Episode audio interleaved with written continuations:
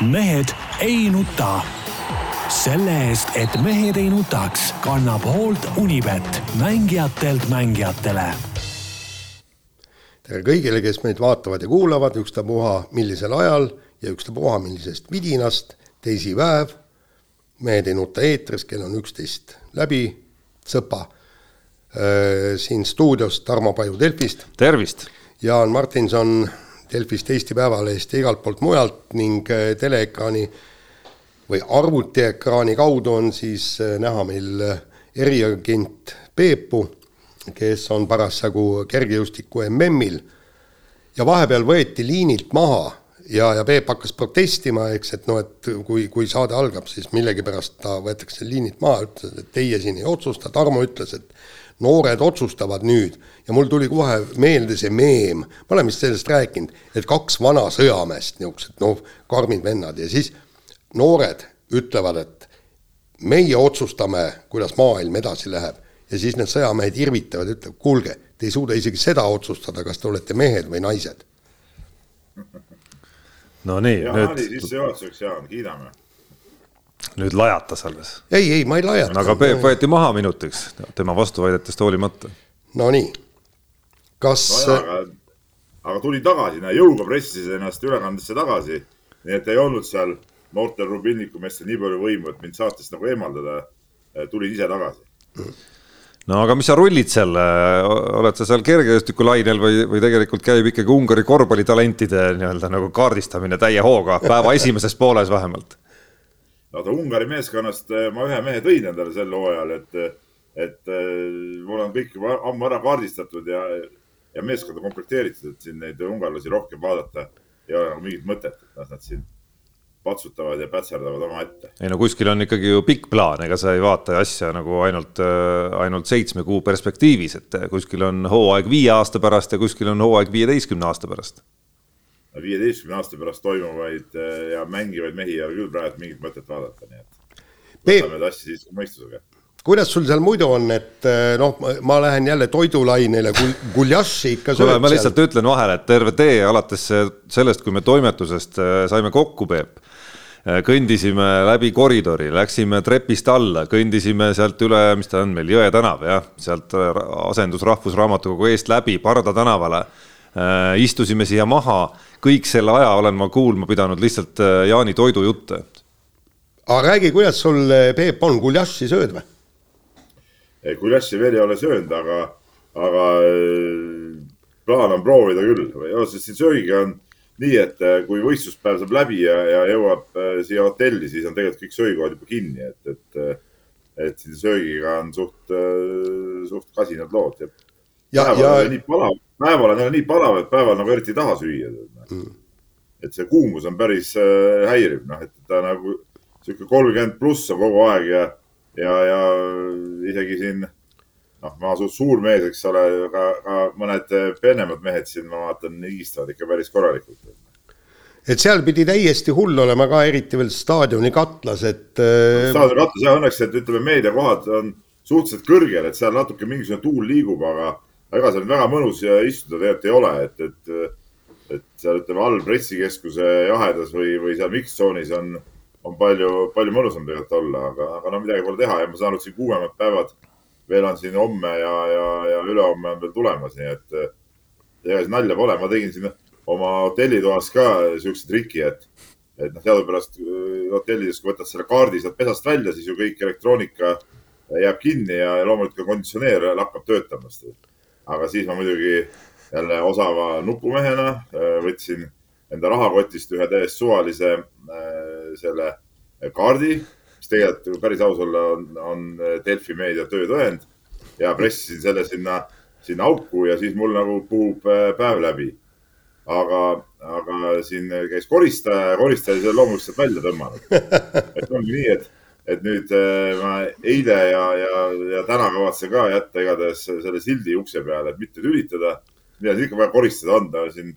äh, saame, saame nagu hakkama, et muidu jälle tõmbad välja, tulen, tulen tuppa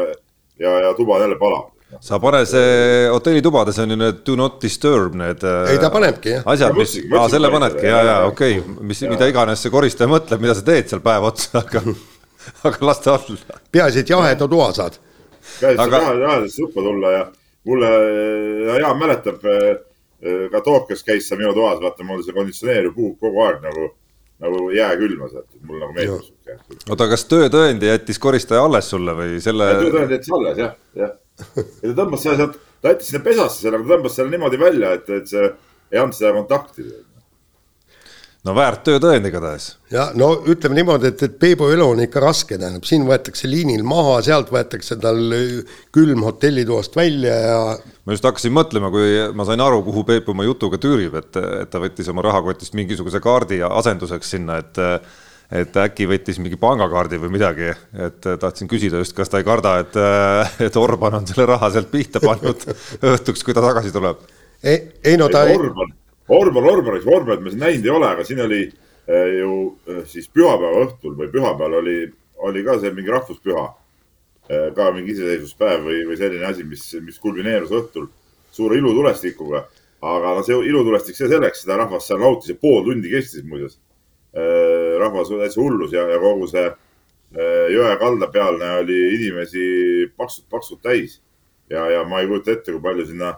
raha õhku lasti. ma tegelikult tegin ka väikse video, ma tahtsin Tarmo ja, ja, ja meie kuulsa peatoimetaja Soome tegi juusteks teile saata ka selle ja lõpuks ma unustasin ära. et noh, teile meeldib ilutulestik, eks ole. ikka, ikka. aga, aga, aga mis ma tahtsin ütelda, et siin seoses pidustustega ja selle võistlusega on külas eh, mingid päris, eh, päris eh, peened riigipead on siin, Aserbaidžaani mingi tegelane ja Usbeki mees ja vist, vist ka äkki Erdogan oli korra siin. kui need Usbeki äh, vend siin läbi linna sõitis, siis ma ei tea, terve linn pandi pooleks tunniks umbes kinni ja, ja eskort oli, koosnes mingist viieteistkümnest autost. ma mõtlesin, et kui, kui Alar Karis oleks siia tulnud, et siis oleks ilmselt kahe autoga hakkama saadud, et äh, üks on see politseiauto ees ja siis teises istuvad Karis ja tema, tema abiline näiteks no,. et, et, et ikka teatud riikide vendadel peab olema ikka hirmus, hirmus sihuke koosseis nagu kaasas no mis, lähme siis siit sujuvalt kergejõustikuga vist edasi. no jaa või, võib-olla poliitikast ka saaks räägitud, tänaks ikkagi meie poliitikuid selle eest, et meie maitsemeel saab tänu neile ikkagi äh, kogu aeg arendatud, et antud juhul läheb kiitus siis Eesti kahesaja poliitikutele. eile lugesime, äh, kuidas äh, Eesti kahesajast nii-öelda natuke vihaga ja pettumusega lahkunud Liina Normet rääkis siis, kuidas, kuidas oli algul kokku lepitud äh, mingisugused põhimõtted seal küll kuluhüvitiste mittekasutamise osas, aga et siis ikkagi paar-kolm nädalat pärast äh,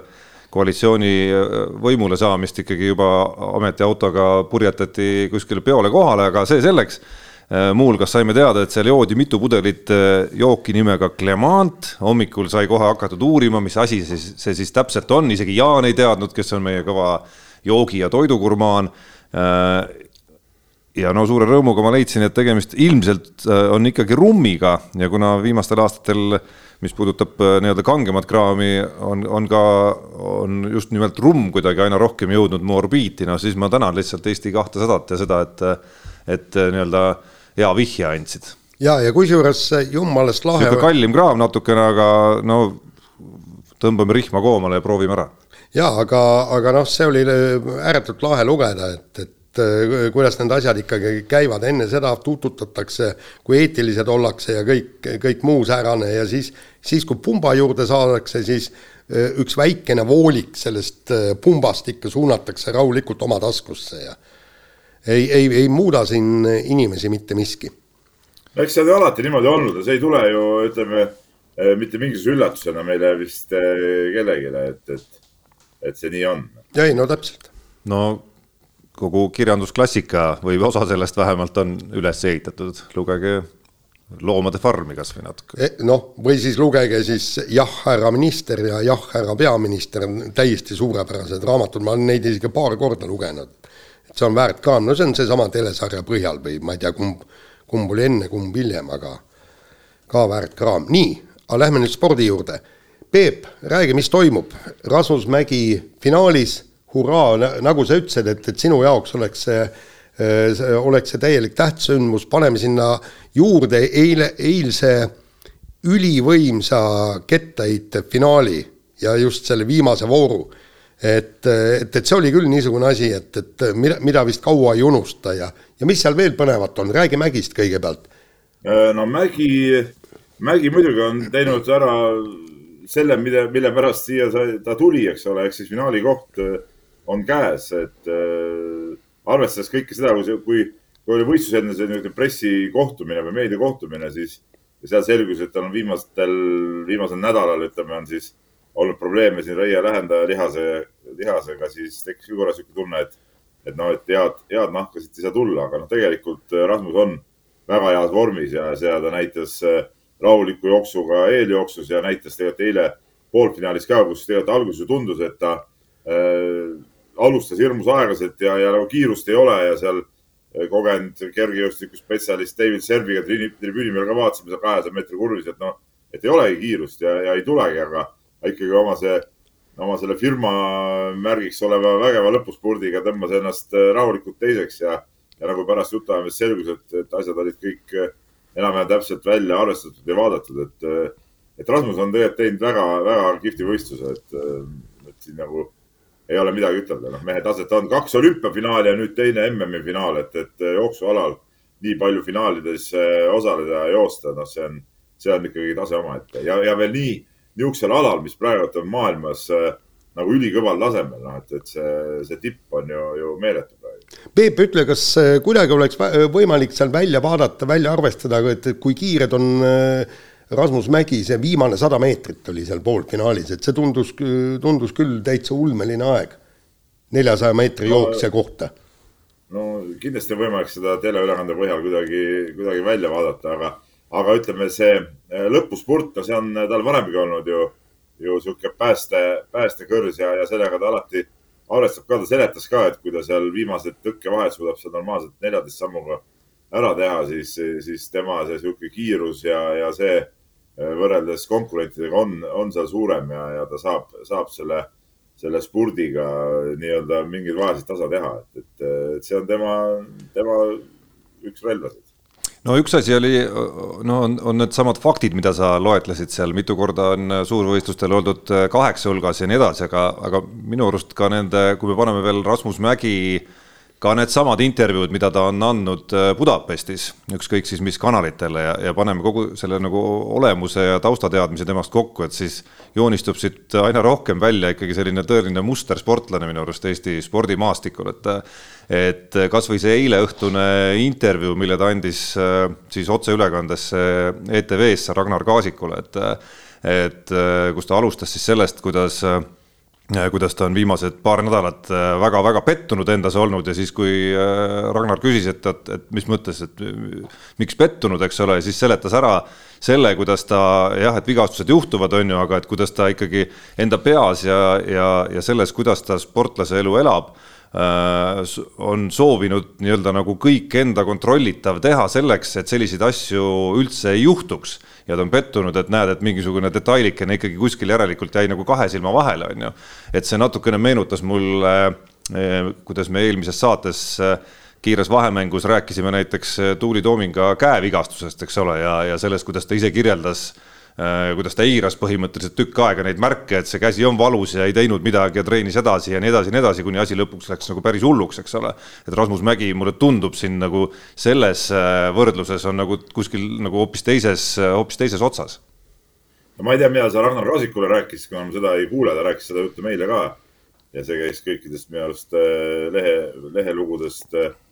ka läbi ja, ja seal aretasime seda teemat natuke edasi ka, ma ütlesin talle ka, et et noh, tegelikult sul ei ole põhjust ju, ju endas pettunud olla, sest et ütleme, see vigastus tegelikult ei sõltunud ju, ei sõltunud ju sinust endast, et, et ja, ja, ja jõudsime ka ühisele seisukohale või järeldusele, et nüüd on viimane aeg sellest pettumusest ka lahti lasta, et et sellel ei ole nagu mingit eh, otsest põhjust tegelikult. ja noh, ta lasigi, mulle tundus ka eile sellest lahti, eks ole, aga eks see, mismoodi ta kirjeldas seda pettumust, noh ikkagi selgelt räägib tema professionaalsusest ja, ja, ja ei muud. ei, ei, sellega ma nõus loomulikult, aga ma ütlen, no tegelikult, et see võib-olla, ütleme see tema karjääri on natukene, seda, seda on varem lugudest ka, noh, ma olen Rasmuse karjääri tead näinud sisuliselt algusest peale, et ta esimene mm oli kaks tuhat kolmteist Moskvas, ma mäletan seda ja ja, ja, ja ma olen kõik need võistlused äh, ära, ära näinud, et, et tema see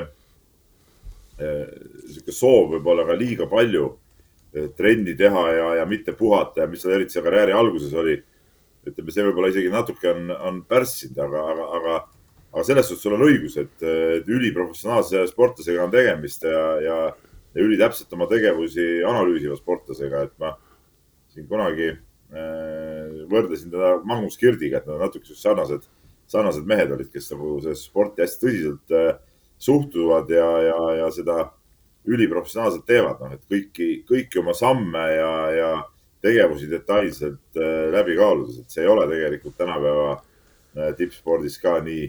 nii tavaline. ja aga kõige selle kõrval on äh, täiesti kahetsusväärne ja kurb, kui Rasmus Mägi jääks ilma selle trofee ehk MM-i või siis olümpiamedalita, me ei saa öelda, et ta jääb sellest ilma, aga see nelisada tõkkeid on nii kuratlikult tihe ala praegu, nii kõva ala, et teatud päevadel, eks, oleks Rasmus Mägil tõesti olnud võimalus seda pronksi võtta, aga praegu, millised on, kas on üldse reaalseid võimalusi, Peep? No kui vaadata nüüd eeljooksus neid, mida ässad tegid, siis, siis olgem ausad, et, et see latt tuleb siin jälle, jälle ikkagi medalilatt tuleb väga kõrgele, et, et noh, mul siiamaani meeles see meeletu Tokyo olümpiafinaali jooks, kus sündis maailmarekord ja, ja kus tehti tõesti ime, imeaegasid, et tegelikult need mehed on siin, siin ka praegu ikkagi super, super vormis ja no ütleme, et medalit saada, peaks jooksma sinna. Äh, sellest ei pruugi ka piisata. Äh, neljakümne seitsme sinna päris, päris algusesse, et noh, siin võib alati tõkkejooksis niisugune ala, kus, kus võib alati midagi juhtuda, ma ei mõtle seda, et keegi peab kukkuma tingimata, aga noh, seal läheb natuke rütm sassi ja, ja, ja, ja, ja mingid sammuvahed ei klapi ja nii edasi ja sellega kaotatakse aega. et, et äh, et kui nüüd äh, keegi, ütleme kolmest suurest äh,, äh, Warhol, Dos Santos ja, ja Benjamin, ütleme, kui nendest kolmest kellelgi nüüd mingi sihuke probleem tekib, no siis, siis on seal järgmised mehed, kellel on, on mingisugune õrn, õrn äh, pronksmedali võimalus, aga noh, kui me nüüd nagu kaine pilguga reaalselt vaatame, siis, siis tegelikult Rasmus võiks võidelda seal kohtadele, ütleme noh, neli, viis, kuus no, no siit, siit on üsna lihtne, siit on üsna lihtne sujuvalt üle minna, et ühe staariga olekski võinud nagu või äkki oleks pidanudki eile juhtuma midagi, et, et Karsten Warholm selgelt ju ühest tõkkest ikkagi nagu mööda jooksis. ja no seal on selged pildid on ju avaldatud eh, nii sotsiaalmeedias, ajakirjanduses ma just vaatasin rootslasi, soomlased panid ka needsamad pildid oma koduleheküljel, seal on absoluutselt täpselt selgelt näha, et äh, see nii-öelda eesolev jalg ei lähe mitte tõkke pealt, vaid läheb tõkke kõrvalt äh, Vaagholmil ja, ja kõik reeglid ütlevad, et öö, äh, oleks pidanud äh, maha võtma, aga samas noh, siis nii-öelda neil on see, mm, soomlastel on see nii-öelda ekspertide hinnang ja siis nad ütlesid, et lihtsalt. Tehti külmalt ära, et öö, see World Athletic ei saa nii kõvat staari,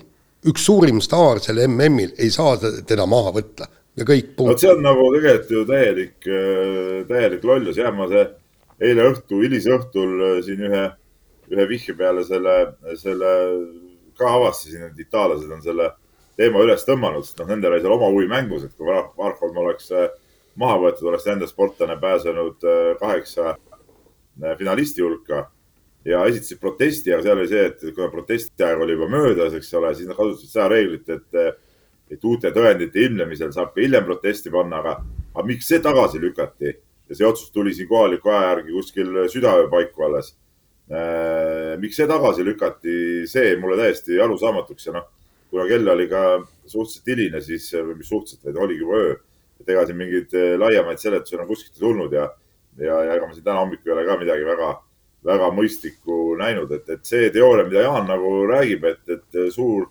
suur staar jah, et, et ega see kergejõustik ju vajab. ma täna kirjutasin just loo äh, lehte ka äh, saja meetri jooksu võitjast, kes, kes võiks nagu saada mingist noh, tulevikus näiteks äh, üheks selliseks staariks, mida, mida kergejõustik vajab, nagu oli Usain Bolt kunagi ja, ja,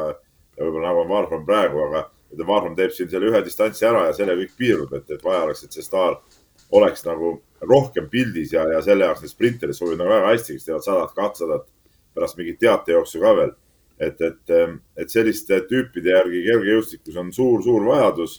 ja, ja selles suhtes äh, jah, see teooria võib, võib paika pidada, et lihtsalt ei juleta maha võtta. lihtsalt väga, lihtsalt väga libe tee on, eks, et kas. väga libe tee. et Varholm on piisavalt suur staar, kas Benjamin on ka, siis kui tema on, kas Rasmus Mägi on ja nii edasi. jah, Peep, paneme siia sama võrdluse kõrvale, mis kettaheite kvalifikatsioonis toimus, seesama rootslane, kes, kes sai ju edasi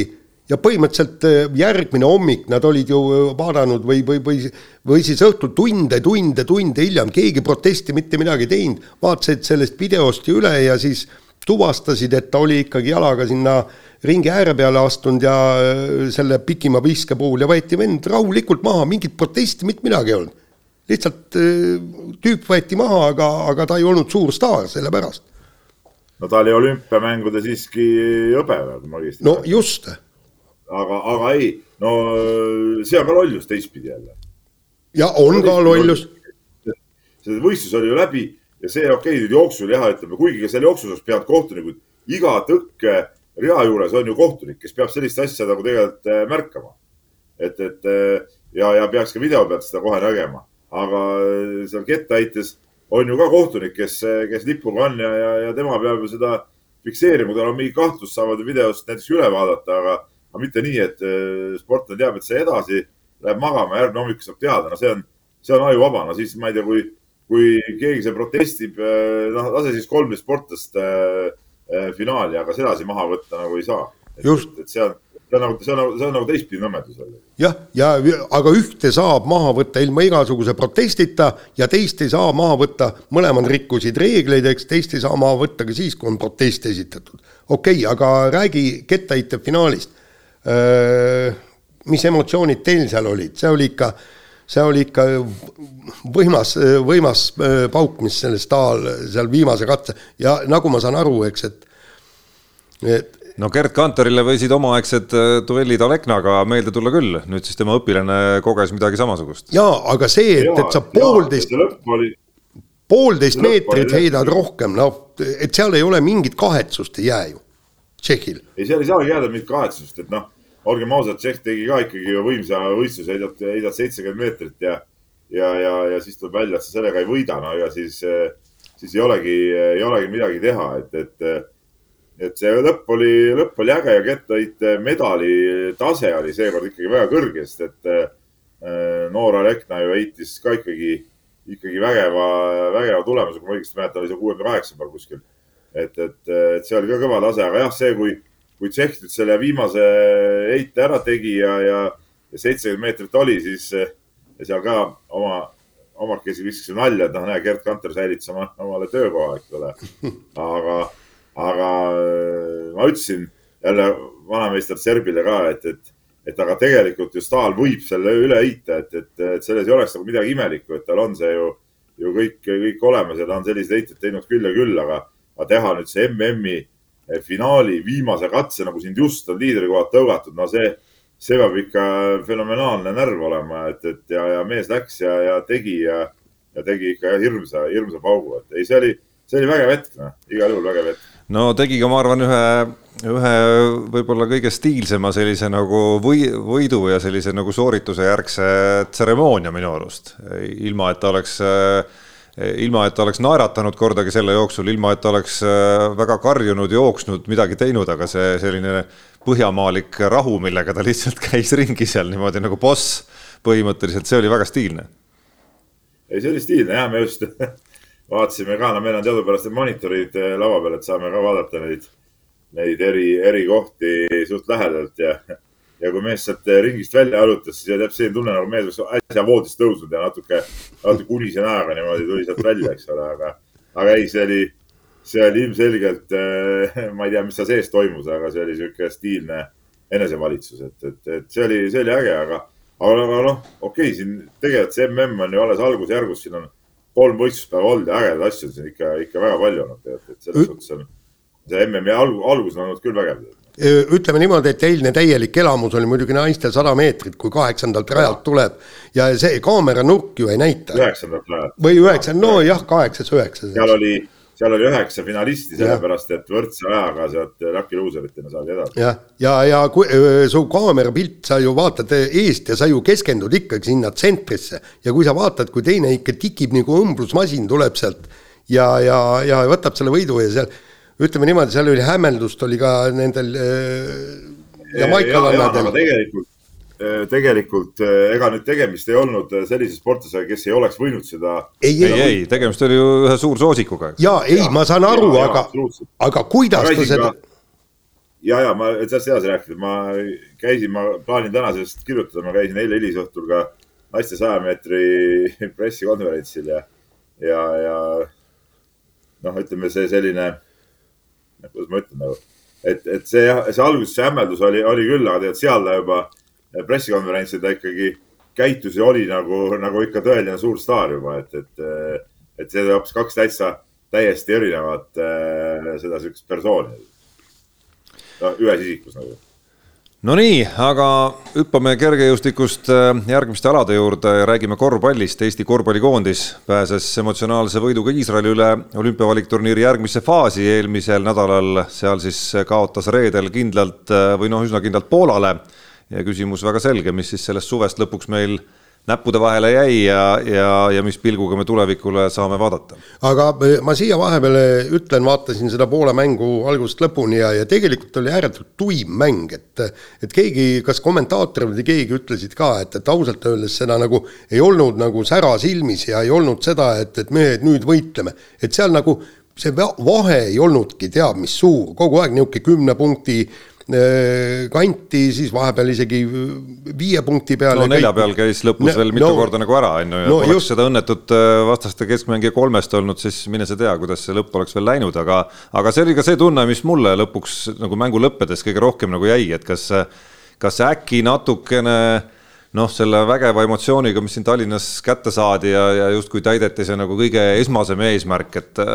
et saadi elamus terveks eluks põhimõtteliselt ja pääseti siin kodupubliku ees edasi. et kas äkki natukene kuskil kuklas vähemalt võis olla mingi, mingi selline nagu noh, ma ei tea, kas rahuldumine siis sellega või aga, aga mingi tunne, et noh, et et kui tõenäoline ikka on, et me siin ilma, ilma viimasel hetkel haigeks jäänud veel Sander Raiesteta ja, ja veel rohkem äh, ilma Maik-Kalev Kotsarita olukorras, kus vastu tulevad ikkagi nagu väga suured koljatid juba nii Bosnia-Hertsegoviinal kui äh, Poolal, kes potentsiaalsed vastased meil seal äh, edasipääsu, äh, edasipääsu konkurentsis olid, et, et kas äkki kuskil natukene mingisugune kuklatunne oli, mis, mis tekitas selle, et noh, et no ei tea, kas, kas see enam nagu nii tõenäoline on? no ma vaatasin ka seda mängu algusest lõpuni, tead, õnnestus vaadata see oli, oli sellisel päeval, kus siin ei olnud, ei olnud veel muud, muud tegevust nii palju ja, ja tegelikult äh, äh üks asi jah, on see, mis sa räägid Tarmo Eestlaste kohta, aga ega nüüd poolakatel ka seal mingit erilist äh, emotsiooni või, või särtsakut selles, äh, selles mängus tegelikult ei olnud, et sihuke kõrvalt vaadates jäi siukse täitsa tavalise hooajasisese reamängu tunne, et, et noh,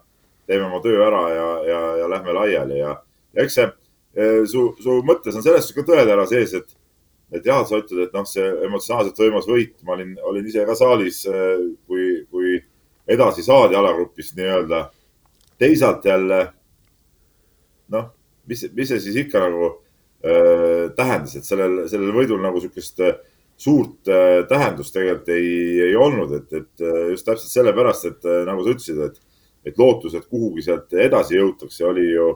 oli ju minimaalne, et see, see võit äh, meestele endile äh, kindlasti tähendas selles suhtes palju, et, äh, et ütleme, eesmärk või ülesanne sai täidetud ja see on, see on nagu oluline, nagu sa ja, ja oluline on ka see, et sa oled mängima ikkagi, ikkagi võidu, võidu peale, aga, aga tervikuna ütleme, see ju mingit reaalset lootust kuhugi jõuda ei, ei, ei tekitanud ja, ja ilmselt see vajutas jah, muidugi oma pitseri sellele, sellele Poola, Poola mängule ka, aga seda tunnet nagu et, et, äh, et Eesti võiks seal Poolat võita nagu selle mängu jooksul. Tead kordagi tekkinud, et kogu aeg oli selline, selline tunne, et Poola äh, kontrollis seda mängu ikkagi, ikkagi päris hästi. Ja et natuke ka, ka, ka nendeks mängudeks kõikideks paberil natuke rohkem valmistudes, noh, ka siis noh, tuli natuke rohkem see tunne Poola mängude eel ikkagi, et vaadates sedasama Bosniat ja ja, ja Poolat ja seda fakti, et me ei mängi enam kodus ja pluss siis panime juurde seal veel, et meil tekkis nii-öelda terviseprobleeme veel juurde ka, et siis siis nagu noh, ka, ka ise tabasid mõttelt, et pagan, et see väljakutse, mis seal ees ootab, on ikkagi nagu oluliselt raskem, noh eriti just mis puudutab, kui me nagu liine hakkame vaatama, siis seda, et mis seisus me ikkagi nagu eesliinis oleme, et Tallinnas ja Tallinnas käinud vastastega see ei olnud nagu nii suur probleem võrreldes sellega, mis, mis seal kliivitses ikkagi selle poolakate Baltšarovski ja, ja bosnialaste Nurkitši näol ikkagi oleks võinud meid, meid ees oot-, oodata, et, et kuna ma ka finaali jälgisin, siis siis lugesin põhimõtteliselt äh, läbi ka kõik või noh, suurem osa Poola meedias näiteks kirjutatu, Eesti mängu järel kirjutatu ja seal nagu ühest küljest räägiti jah sellest, kui ebamugav võistkond Eesti oli, noh, tänu, tänu ka eesliinimeeste puudumisele kindlasti, et selline hästi kiire ja ja selline, kus mingitel hetkedel väljakul on viisik, kus kõik viis meest võivad äh, väga hästi kolmesid visata. aga noh, seal sinna juurde käis ka selline noh, enda poole ja tunde valgustamine, kus päris mitu meest ütlesid, et, et, et me teadsime väga selgelt ja olime väga enne mängu väga palju rääkinud sellest, et, et Eestil põhimõtteliselt ei ole mängijat, kes suudab meie seda kahesaja viieteistkümne või kahesaja üheksateistkümne sentimeetri pikkust euroliiga tsentrit eh, takistada ja see oligi meie strateegia ja, ja me olime selles täiesti kindlad. no tegelikult eh, viimane küsimus, satsi meil on EM-finaalturniiril võiks täiesti mängida, võiks isegi pürgida seal, noh, ma ei tea, kas kaheksa hulka, aga aga mis edasi saab, meil Eesti Päevalehes Ats tegi väga huvitava intervjuu peatreeneri Jukka Toialaga ja ega tegelikult ma ei saagi aru, et, et mis seal nüüd toimub, et kas ta jääb peatreeneriks ja ta ongi siis, nagu ta ise ütleb, et kümme päeva aastas on peatreener, ülejäänud aja nokib nina, et, et talle nagu muud, muid ülesandeid ei leitagi või? no muid ülesandeid. aga, aga Jaan äh,, väga paljud äh, koondiste peatreenerid on ju tegelikult sellises äh, seisus, et nad äh, tulevadki nagu mängijad, tulevad koondise juurde vahetult nendeks akendeks ja valmistavad meeskonna ette ja mängivad ära ja, ja ongi kõik, et Eestis siiamaani nüüd Jukka Toiala ajastul, no nii oli ka Tiit Soku ajal, eks ole, et aga nüüd Jukka Toiala ajastul on, on tehtud nagu teistmoodi süsteem, et ta on nagu kogu aeg siin kohapeal kogu aeg nagu nii-öelda korvpalliliidus tööl, käib, suhtleb mängijatega, käib mänge vaatamas ja,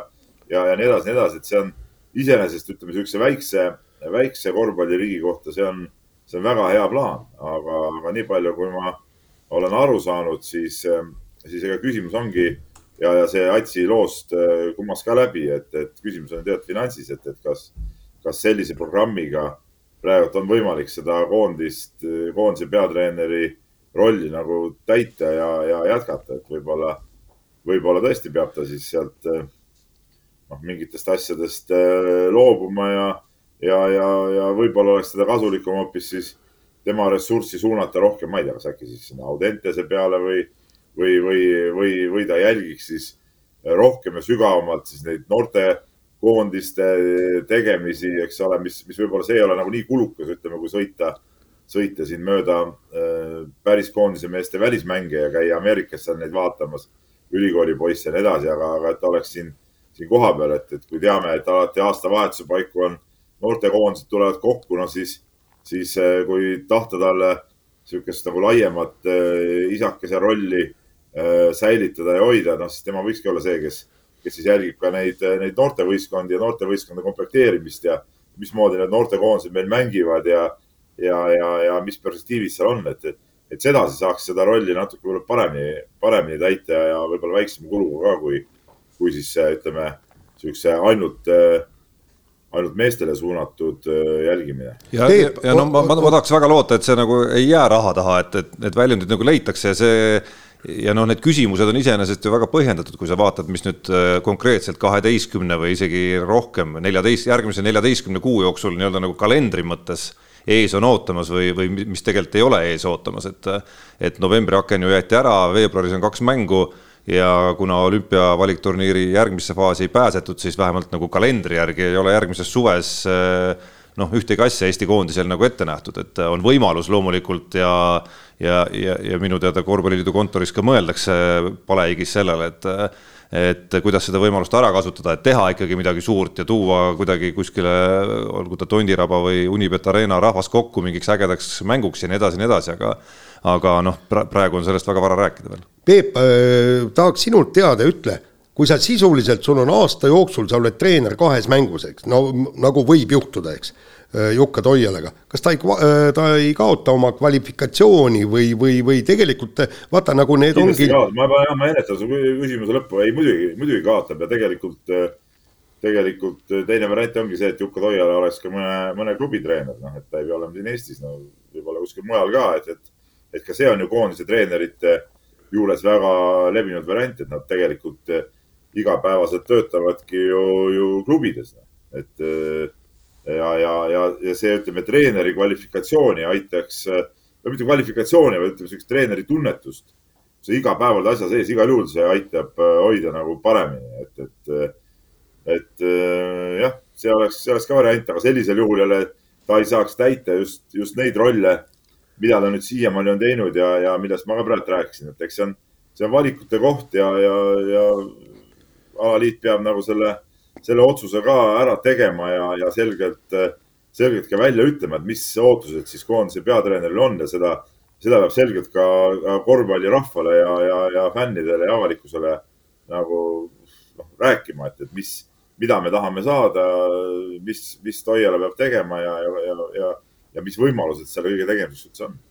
aga, aga noh, korraks Juku Toiala juurest veel, veel nii-öelda ja, ja näppude vahele rääk-, jäämisest rääkides veel, veel ka mängijate juurde tulles, noh siis, siis ma arvan, et siin oli, siin oli selles äh, mitte täiskoosseisus mängides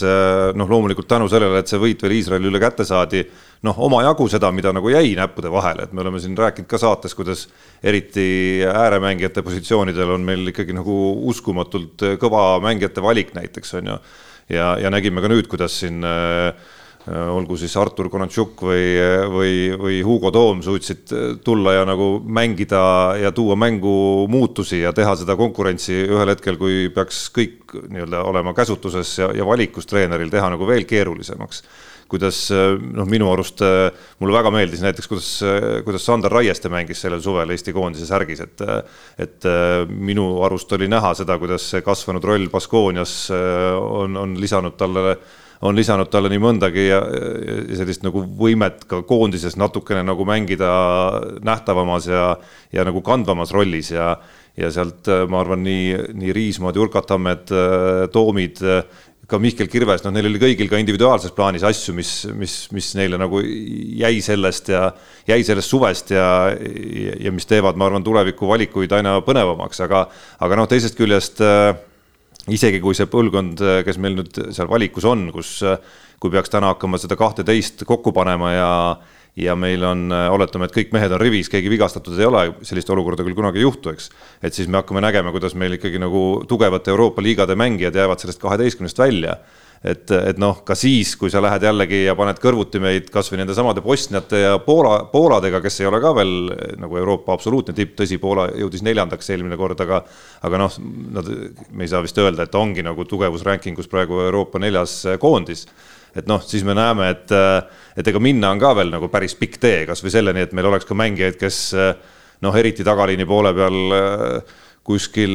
nii-öelda palliga tegutsedes oleks niisugune viieteist äh, punkti mees kuskil ikkagi nagu euroliiga tasemel näiteks on ju, ja et noh, siis me hakkame jõudma nende detailideni, kus, kus, kus me näeme, kuidas kasvõi nende Poola ja Bosnia sugustel konkurentidel äh, on lõpuks äh, ilmselt ka üks legionär seal taga, kes veel selle rolli ära täidab, kui endal sellist mängijat ei ole. Ja me, olgugi, et ma toetan seda, et me ei ole seda teed kunagi läinud ja Eestis olekski see äärmiselt keeruline, siis, siis noh, need on nagu niisugused reaalsed äh, detailid mis äh, ilmselgelt äh, noh, midagi lihtsamaks meil nagu nende tulevikuambitsioonide saavutamisel ei, ei tee. pigem peavad nagu aru andma kõigile, et, et omajagu teed on nagu minna ikkagi ka, ka, et, et seda ambitsiooni, et siin järgmisel EM-il noh, näiteks esikaheksas siis olla, nagu see masterplaan kõlas, et nagu seda saavutama hakata no nii. kõigepealt tuleb sinna EM-ile pääseda ja siis proovida kaheksa olla seal. absoluutselt, et ega see esimene mäng seal Skopjes kindlasti midagi nagu väga mugavat äh, olema ei saa ja, ja eriti veel olukorras, kus puudub hetkel, ma arvan, vähimgi aimdus, et mis koosseisus me lõpuks äh, lõpuks kokku äh, saame Skopjes, et, et justkui teoorias ja paberil jah, võiks eeldada, et, et nüüd see Euroliiga paus ja, ja kõik see, et see on meile nagu väga, väga tervitatav ja väga suur eelis, aga, aga noh, lõppkokkuvõttes piisab seal mingisugusest väikesest naginast mõnel mängijal kuskil ja, ja võib-olla ei tõsteta seal Euroliiga klubis jälle toru, nii nagu eelmistel kordadel, kui, kui pausi ei olnud. no aga see selgub järgmine aasta, võtame nüüd järgmise teema ja see oli ikka meeletult tihe spordinädalavahetus ja üldse spordinädal ja, ja ega ta lihtsamaks lähe Äh, toimus äh, kettagolfi, diskgolfi EM ja Kristin Tatar pani selle lõppkokkuvõttes ikkagi pika puuga kinni. Ja, ja noh, ega seal midagi teha ei olnud, seal oli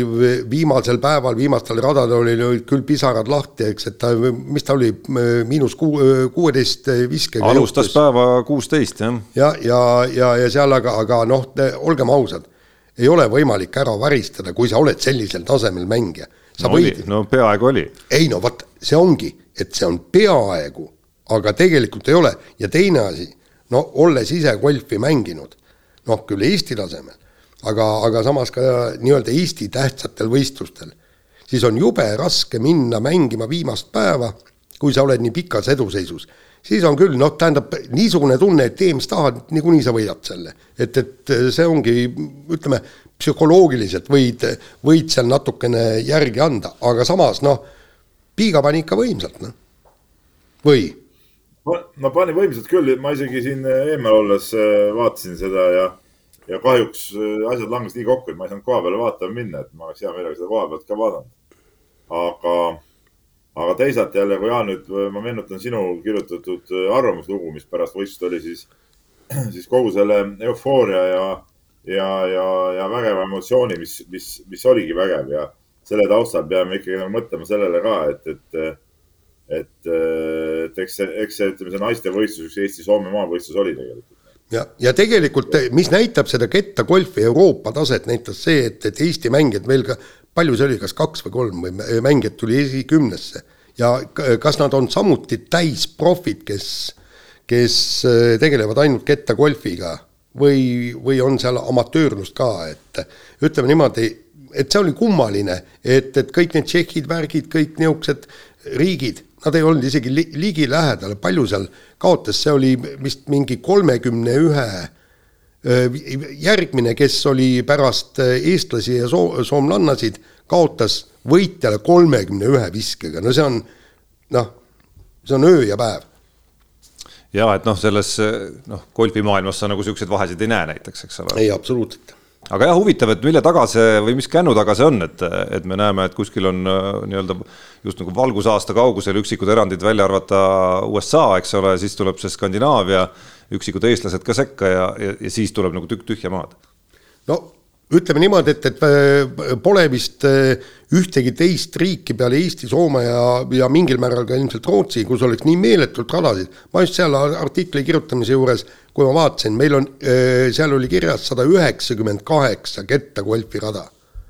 sada üheksakümmend kaheksa. see on meeletu arv, meid on ainult üks koma kolm miljonit. no varsti niimoodi, et iga kümne. mäng on populaarne, nii palju, kui ma radade peal käin, igal pool on inimesi alati, et et Eestis see mäng on läinud peale, äh, on kulutulena levinud, eks ole, aga jah, ütleme mujal maailmas siis järelikult nii palju ei ole, noh, et, et ega, ega see muidugi, aga, aga see kõik, äh, nii nagu meil oli seal väike diskussioon ka seal oma, oma nii-öelda spordigrupis ja, ja nagu ma ütlesin ka Jaan sinu selle kommentaari peale, et, et see kõik, et olgu ta siis Eesti-Soome äh, maavõistlus sisuliselt ütleme tippude mõttes või medaliehituses või, või olgu seal äh, esikaheksas, ma ei tea, kaheksa erineva riigi sportlast, ega see nagu seda, seda võidu, võidu levelit kuidagi nagu allapoole äh, ei too, et, et, et võitluses peaks ikkagi, ikkagi olema nagu absoluutselt kõige kõvem no,. jah, aga, aga selle kommentaari mõte oligi see, et tegelikult ma vaatasin, tähendab see öö, mõte sündis sellest, et päev, päev varem, enne seda EM-i lõppu avaldasid siis ameeriklased eelnimekirja nendest spordialadest, mida nad tahavad näha siis Los Angeles ja olümpial. ja kettagolfi seal ei olnud. ja tegelikult noh, ameeriklasi äh, vaadates ja mõeldes, et see oleks ju täiesti kenasti sobinud, nad oleks võitnud medaleid, seda on lihtne, pane sinna tõesti suvalisse parki, pane, pane rada üles ja kõik see on võimalik, aga nad saavad ise ka aru, et see mäng võib olla populaarne noh, seal riike tähendab, kus seda mängitakse, võib olla palju, aga tipus on tõesti ainult Rootsi, Ameerika, Eesti ja, ja, ja Soome ja see on põhjus ja, ja, ja see on ääretult kahju, et see on täpselt see ala, mis võiks olla olümpiamängudel ja mis teeks ja tooks meilegi edu ma jäin korra siin mõtlema, et, et siin Jaan su kommentaarile, mis, mis omajagu vastukaja leidis ka loomulikult discgolfi ringkonnas. noh, oli ka seda vastukaja, et ega, ega, ega tegelikult nagu kus, et kust sa võtad, et nad üldse tahavad olümpiale. aga ma nüüd kiire guugeldamise tegin, et siis neid jutte siin ikkagi, ikkagi ka maailma discgolfi nii-öelda juhtkonna tasemel on ikkagi nagu olnud ja seda on kajastatud mingil määral, et, et noh ükskõik, kas see jutt käib olümpiast või, või lihtsalt äh,, aga, aga ala nii-öelda kandepinna laiendamine kahtlemata tuleks, äh, tuleks loomulikult alale nagu kasuks, on ju, et noh, nii nagu NBA-le äh, korvpallist paralleele tuues on ju tohutult kasuks tulnud see, kuidas mäng on muutunud nii-öelda nagu rahvusvaheliseks mänguks ikkagi alates sellest hetkest eriti, kui üheksakümne teisel aastal tulid, tuli Dream Team välja ja sealt on nii-öelda plahvatus edasi järgnenud Euroopasse ja Hiinasse ja igale poole ja, ja, ja tegelikult. ma ütlen veel vahele, ma ütlen veel vahele. Äh, ma ei tea, kes sulle sellist asja rääkis, et, et kas nad üldse tahavad olümpiale äh, saada, eks ole. et ähm, tähendab, spordiala, mis ei taha olümpiale saada, no see ei väärigi spordiala nime ju. No... iga spordi mõte on, on olla olümpial ja kui, kui mõni alaliit ütleb, et aga me ei tahagi olümpiale saada, siis siis äh, istuge nurgas ja, ja nokkige ninad, et no siis ei ole mõtet rääkida. Ei no maailmas on, maailmas on kõvasid spordialasid küll, mis äh, ei taha olümpiale saada, ma ei tea, Ameerika jalgpall ei, ei, ei taha kuskile. ei, Ameerika jalgpall ei. on üks eel, eelnimekirjas no,. No, Ameerika ja. jalgpall ei ole mingi kõva spordiala, unustage ära. see on Ameerika meistrivõistlused lihtsalt, mujal, mujal ei mängita. ja, ja, ei no mängitakse, aga mitte sel tasemel. aga ma ütlen mingil, mingil moel vastupidi, teeb see kõik, äh, teeb nagu see taust kõik veel kõvemaks selle, mida Kristin Tatar, äh, kui tema personaalküsimusest rääkida, on nagu suutnud ikkagi, eks, et, et kohas, kus, kus üks riik ehk siis USA on nagu nii pikalt teistest ees Äh, et siis sellest hoolimata veel murda nagu läbi, see noh, see teeb ju nii-öelda esimestel temasugustel on selgelt ju raskem seda läbimurret teha, kui, kui võib-olla siis, kui see muutub nagu tavaliseks ja igapäevaseks juba. seda kindlasti, aga, aga kui kõva ta nüüd on MM-il, see ju kohe selgub, mis ta on, kahe, kahe nädala või nädala pärast juba algab MM. poolteist vist isegi on jäänud ainult, jah. ja, ja, ja noh, ütleme, millest ja kui me siin nagu kiitust Kristin Tatarile jagame, noh siis, siis ma arvan, et sellele, sellele üritusele endale ikkagi on ka üks väga korralik pai äh, täiesti nagu ära teenitud ikkagi, et väga vinge asja panid, panid nad seal lauluväljakul kokku ja minu arust väga vingelt ja ambitsioonikalt äh, üritavad siis nagu siit ka nagu edasi minna, et suheldes siin Rally Estonia inimestega ja, ja tehes neid samme seal õhkub minu arust täpselt samasugust äh, sellist ambitsiooni nagu Urmo Aavadest ja Tarmo Hõbedest, et, et see, kuidas äh, see, kuidas see mäng on nagu kulutulena Eestimaal levinud ja, ja mis tasemele minu arust on, on jõutud nii nii-öelda individuaalsete tippude mõttes kui ka nii-öelda selles mõttes, et mis meil toimub nagu siis Eesti-sisestel võistlustel. Äh, kuidas sealt ka ülekandeid tehakse, kõik, kõik, kõik see, noh, minu arust see on nagu korralik tunnustus ja seal on, ja seal on nagu väga selge roll ka kõikidel nendel inimestel, kes seda discgolfi asja on siin Eestis äh, hingega ajanud olgem ausad, olgem ausad, teleülekandel on see erakordselt igav vaadata muidugi. kusjuures ma just, äh, just pean. täielik, täielik, äh, ma olen olude sunnil pidingi vaatama, eks ole, seda natuke ülekandeid ja, ja ainuke, ainuke siis huvitav äh, hetk minu jaoks oligi ülekanne lihtsalt ja mida ma otse ei saa vaadata, ma kerisin lihtsalt tagasi ja vaatasin siis Tatari viimast kahte rada ja, ja seda emotsiooni seal seejuures. ütleme niisama seda telekast vaadata võrreldes sellega, mis sa, mis sa seal kohapeal näed või, või ise mängides tajud, noh, see mingi teleala küll ei ole. kusjuures ma ütlen just, just. ikka puhtalt tegemise ja kohapeal vaatamise ala. ütlen Peep just vastu, et mina jäin nagu väga palju vaatama seda, et äh, sain seal lauluväljakul väikese pisiku külge, kui me seal Peep sinuga käisime. ja, ja jäin just nagu väga palju vaatama. Võib-olla tänu sellele, et ma olen seda tavagolfi ka vaadanud ja jälginud teleka vahendusel viimasel kümnendil suhteliselt palju, et siis, siis. aga tavagolf on vaatamiseks täitsa mõttetu ala. no sinu jaoks küll jah, et siis, et noh, siis siis, siis see nagu vaatamisharjumus tuleb nagu lihtsamalt ja kogu see arusaamine, kuidas see mängu loogika käib. ja näiteks sellesama tavagolfiga võrreldes on discgolfil üks väga suur eelis, et see, see, mis toimub siis äh, golfiväljakul, on ju selline no olgem ausad, ikkagi nagu päris veniv asi et seal äh, seal ikkagi nagu tipptasemel mängitakse neid otsustavaid ringe niimoodi, et noh, neli pool tundi ma pakun, alla selle ikka naljalt ükski liidrite grupp ei, ei läbi kuskil Openil võistluspäeva, aga discgolfis käib see asi ikkagi nagu distantsid, mida jalutatakse, on lühemad ja kogu see asi käib nagu palju kiiremini ja seda niisama passimist on ikkagi seal vähe, vähem, et selles mõttes isegi oli ta nagu ägedam vaadata ja ja, ja tempokam vaadata kui, kui tavagolfi ülekanded nii, aga nüüd vahetame teemat ja nagu Jaan mainis, sporti on meil kõvasti. Äh, sporti on Eestis kõvasti ja sellesse on andnud oma tugeva panuse ka, ka Eesti võrkpallinaiskond ja, ja Võrkpalliliit, kes on siis võtnud korraldada koduse Euroopa meistrivõistluste finaalturniiri. Äh, Eesti on siis kolm mängu pidanud kaks null kolm kaotust alagrupi soosikutele Prantsusmaale ja Hollandile, pluss siis äh, üks väga meeleolukas võrkpalliõhtu, kus kahjuks tuli Soomelt ikkagi kaks-kolm kaotus vastu võtta. jäänud on siis mängud meil Slovakkia ja Hispaaniaga, mis otsustavad selle, kas Eesti naiskond pääseb alagrupist edasi või mitte. no ütleme niimoodi, et, et see Soomega mäng, eks, et no see ma, ma ei mäleta ammu seda, et, et kui ma istun teleekraani taga, seda ma vaatasin eh, telekast ja,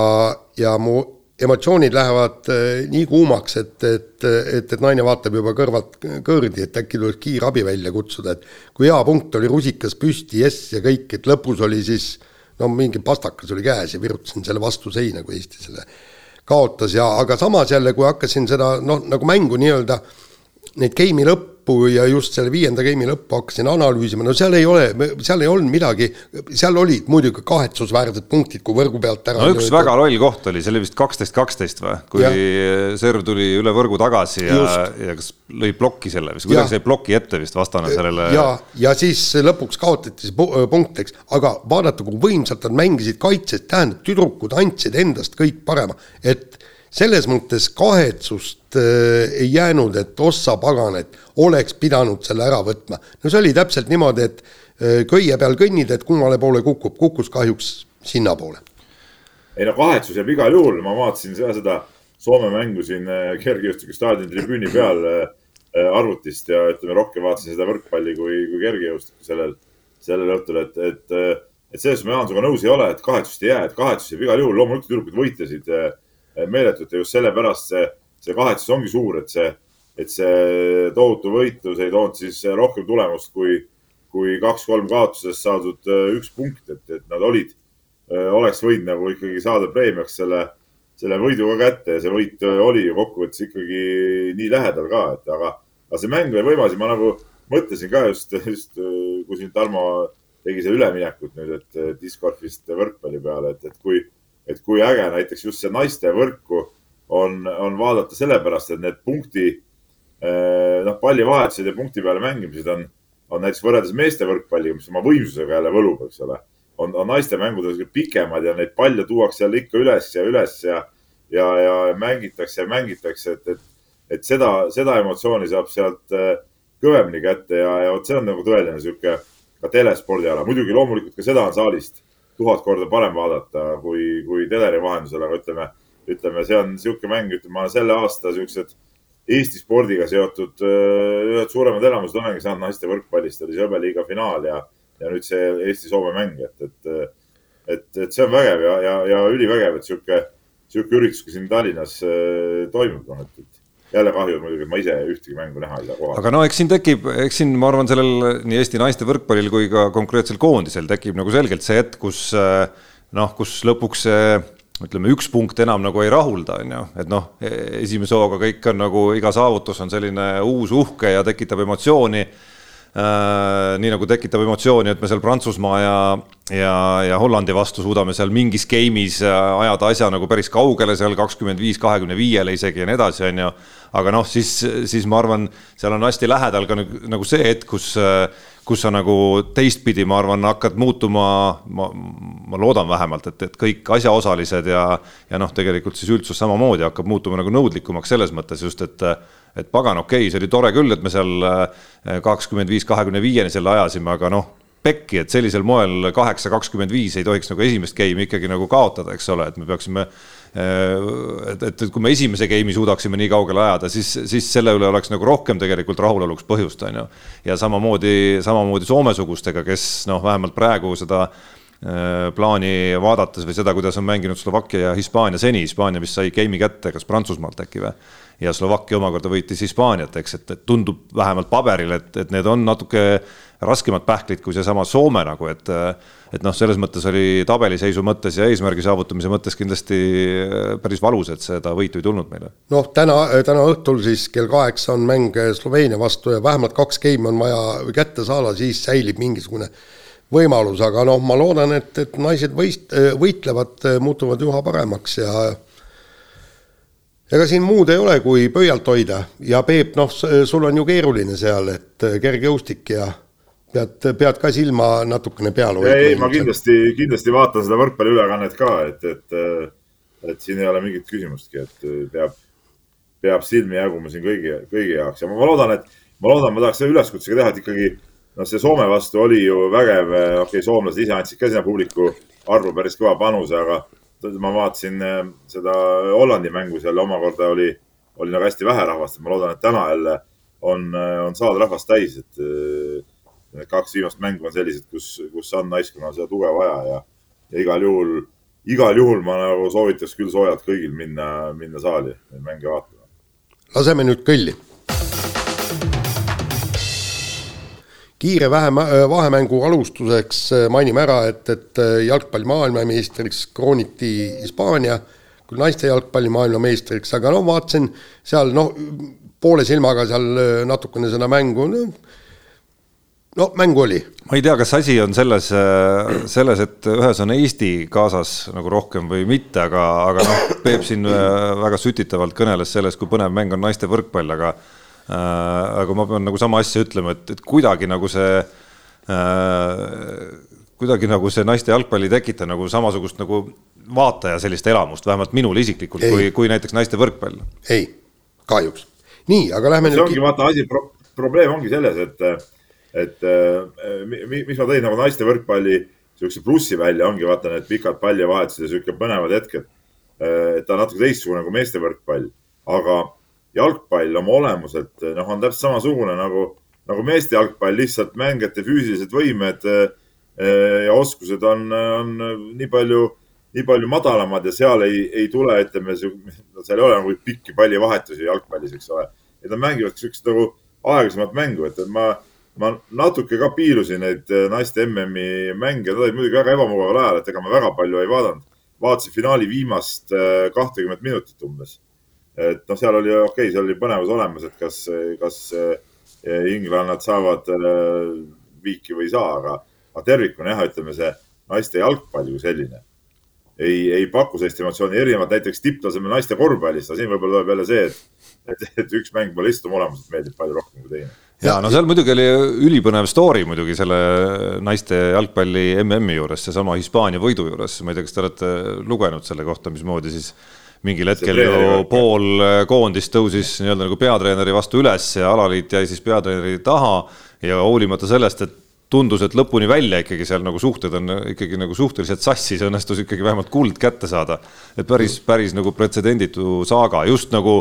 seda ka arvestades, et, et ka nagu täna veel visuaalselt tundub, et seal ei ole nagu asjad nagu korras, on ju. Nojaa, aga kuld on taskus, nii, ja kohe äh, räägime ka Eesti jalgpallist, et Äh, meistriliigas on ikkagi need äh, heitused medalite pärast muutunud päris rajuks ja. ajal, kus me siis Euro, Euroopas olime selle aasta kõige kehvem sats või kõige kehvem riik, klubiriik siis Euroopas. jah, ja, ja, ja kui me nüüd noh, nagu arvestatakse, et, et meie liiga ainult areneb ja kõik, kõik, siis peaks praeguse seisuga meil olema kaks maailma tippsatsi, ehk siis Flora ja Levadia, kes kulla pärast võitlevad ja, ja siis terve posu nii-öelda keskmisi, kes kemplevad pronksi pärast, aga see, see pronksi pärast võitlus, et noh, et okei okay,, kulla pärast ka põnev, eks, vaata, mis seal ikkagi toimub, eks, Kalev, Kalju, Paide, Vaprus ja, ja siis nüüd Narva Trans hiilib ka vaikselt. no Kuressaare jäi mainimata veel, aga noh, tõesti neli satsi on ühel pulgal punktide arvu poolest no, praegu. jah, et, et tegelikult, aga muidugi ma vaatasin ühte mängu ka veel nädalavahetusel, mingit jalgpalli või mis kus sa sinna jõudsid veel? ei, ei, ma arvutit lihtsalt äh, lugesin poole silmaga, vaatasin sealt kõrvalt. ja ausalt öelda, no ega sealt on puhtalt ära näha, et, et miks me Euroopas mitte midagi ei tee. mäng on justkui jõutakse karistusala lähe, lähedale ja siis algab niisugune plähmerdamine. vabadele meestele ei saa söötu anda, siis kaotatakse palle, siis saadetakse, siis saab mängija söödu kätte ja siis tont teab, mis ta selle palliga teeb. ütleme niimoodi, et üsna piinlik oli vaadata et ühesõnaga võisteldakse, kes on vähem kehv, ma saan aru. no on nagu... absoluutselt jah, jah, jah, umbes nii, umbes nii ta ongi. aga nüüd, aga siit nagu sihuke, noh, ma ei tea, filosoofiline küsimus, et mida me, mida me siis tahaksime rohkem, et kas me tahaks seda, et meil oleks üks mingi superklubi eh, ja, ja tsempionaat ei oleks eriti huvitav või, või, või tahame, et oleks kodune tsempionaat lihtsalt põnev. et no, meil oleks siin endal koha peal palju huvitavat vaadata no eks me lõpuks tahaksime, tahaksime ju mingisugust keskteed seal leida ja, ja me, ja no me ei saa, et me ei pea tingimata selle nagu päris valikusse asetama, et ma arvan, et nii Flora kui ka Levadia näiteks, kui me eesotsast räägime seal, kelle puhul samamoodi värava löömisega ilmselgelt on probleemid näiteks ja, ja mõlemad siin viimasel ajal maadlevad nagu sõna otseses mõttes minu arust sellega, et kes siis nagu vähem kehv on ja kes siis vähem äh, kuskil mingeid punkte kuskil loovutavad, on ju. et noh, siis ma arvan, et mõlemad vaatavad oma organisatsiooni või komplekteerimise ja valikute sisse ja näevad seal hulgikohti, kus nad oleks saanud natukene nagu midagi paremini teha või mingeid valikuid teistmoodi teha. sest et äh, me oleme tasavägist heitlust tiitli peale näinud ka noh, ka nendel hooaegadel, kus mõni klubi Euroopas natuke rohkem on ikkagi suutnud midagi korda saata, ei välista teineteist päris nüüd. jaa, aga võib-olla võtame Islandi tee, kus kodune tšempionaat on põnev, sellepärast et nad on äh, sama äh, kehvad kui meie, nad ei ole isegi ükski kord isegi konverentsi liigas äh, edasi pääsenud. ainukene riik Euroopa a la, noh, tähendab väike riik on ka seal võib-olla mõni, Vatikan, nii, aga mi-, mida nemad teevad, nad kas-, kasvatavad staare, saadavad nad võimalikult kiirelt välja ja, ja naudivad siis nende staaride najal koondise edu. ja, ja kui sul, kui sul mängib Euroopa tippklubides, vaata, kuidas me vaatasime Manchester Unitedi mänge, kui äh, või, või selle Derby County mänge, kui poom seal oli ja neid legendaarseid mänge Manchester Unitedi vastu ja kõik, eks. vot seal oli see meie, meie jalgpalli huvi. ja kui meil oleks ka nagu, nagu Islandil on mingi seitseteist mängijat Euroopa tugevates liigades, noh. vaataks nii Premier League'i kui Itaalia liigat hoopis teise pilguga. absoluutselt. Äh, vahetame teemat, äh, tippspordiga hüvasti jättav Kristjan Kangur andis eelmisel nädalal äh, vähemalt kaks, kui mitte rohkem intervjuud ja, ja võib-olla meil endal ilmunud intervjuust selline kõige kuldsem lause, mis ikkagi, ma arvan, juba hariduslikel eesmärkidel tuleks siin ette lugeda, on ikkagi see, kuidas tippu jõudmiseks tuleb lihtsalt teistest rohkem tööd teha. Mõelda, mõelda, et sul on trennikaaslased, kellest sa pead rohkem tegema ja maailm on täis konkurente, kellest sa pead seda tööd rohkem tegema. kusjuures seal oli intervjuust ju ta, äh, Kristjan Kangur mainis mitu korda, et ta on nii-öelda aeg-ajalt ta nagu üritab noori harida ja just, et, et noh, et rohkem oma keha eest hoolt kanda, kõik nii, ja siis küsiti, et noh, et kas võetakse sellest kinni. mõni võtab, enamasti ei võeta. No aga nii on see kogu aeg olnud ju, ükskõik mis põlvkonna puhul ongi see täpselt samamoodi ju et on, on, on. see on absoluutselt loogiline, jah. et ja. sa tahad, tahad absoluutselt tippu jõuda, sa pead selle jaoks nagu metsikut tööd tegema, pead rohkem tööd tegema kui, kui teine samaväärne sportlane, noh, et, et, et andek, teadupärast andekuse üks osa ongi see, mitte alati see, et sa, et su see, noh, sa omandad kõike võib-olla hästi kiiresti ja kõik tuleb, tuleb hästi kätte, vaid andekuse üks väga suur osa ongi see võime sundida ennast tegema tööd. Ja aga, aga Peep, vot seal ongi, sul on kõrval Kristjan Kangur, kellel on olnud suurepärane karjäär, kes on vastu pidanud korvpallis neljakümnenda eluaastani. Ja kui tema tuleb, ütleb ja selgitab noortele, et ma olin nii, e, nii hea sellepärast, et ja minu keha pidas vastu sellepärast, et näed, ma tulen tund aega varem saali ja teen e, vastavaid harjutusi ja kui seesama noor vaatab niimoodi sinna, ütleb jah, jah, jah, aga ise mitte midagi selleks ei tee, vot see on kahetsusväärne. jaa, aga no ma ütlen, et siin äh, kui nüüd natukene perspektiivi asju panna, siis ma arvan, et Kristjan Kangur ise, äh, kui me mõtleme, mis põlvkonnas ta ise on üles kasvanud siis, äh, siis ma nagu saaks võrdluseks isegi öelda, noh, raske on niimoodi nagu üldistada, aga vähemalt nagu silmaga nähtavam osa minu arust ütleb isegi seda, et, et ma näen kuidagi nagu praegu seda teadlikkust isegi nagu kõrgemal tasemel, et, et kui selles põlvkonnas, kus Kristjan Kangur ise oli, et ta oli selles põlvkonnas nagu erandlikum selline oma sellise mõtteviisiga kui, kui võib-olla selline nagu keskmine tema põlvkonna mängija, et, et ka see, seda juttu, mida me siin praegu räägime siin nende lausetega, seda võib-olla noh, võib-olla kümme, viisteist, kakskümmend aastat tagasi nii kõva häälega ei räägitud isegi. nüüd aga... on tulnud meil Ragnar Klavanid, kes või Mart Poomid, Kristjan Kangurid, kes nii-öelda taovad seda rauda kogu aeg ja, ja, ja, ja kus võib-olla siis äh, need noored vähemalt, kes on nii-öelda otsustanud tugevalt ära ja leidnud selle motivatsiooni ühel konkreetsel alal, siis ka käituvad vastavalt. jaa, aga ütle, kas Kangur ei näinud kõrvalt, kuidas Metstak tegeles või, või, või see, seal veel tolle põlvkonna mängijad kindlasti nägi. kindlasti nägi, aga, aga ma võiks ja ma usun, et me Peebuga võiks loetleda, ütleme seal tema sünniaastast pluss-miinus kolm aastat ikkagi nagu väga palju nimesid, kes võivad, kes ütleme tagantjärgi erinevalt Ragnar Klavanist ja tema kuulsast lausest võivad, äh, ma arvan, elu lõpuni mõelda, et mis kõik oleks võinud olla, kui ma oleks võib-olla midagi rohkem teinud. nii, aga võtame järgmise teema ja jätkame äh, jalgpalliga ja Eesti jalgpallikoondise esiründaja Rauno Sappinen sai päris võika vigastuse Itaalia karikamängus, sõideti põlve sisse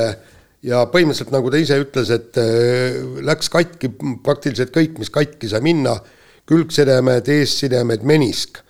et, äh, et, et ausalt öeldes niisugune külmavärin tuli peale, kui ma, kui ma lugesin äh, intervjuud temaga, et et, et see on ikka raju. Ja nüüd on no vähemalt aasta öö, platsid eemal ja mis edasi saab,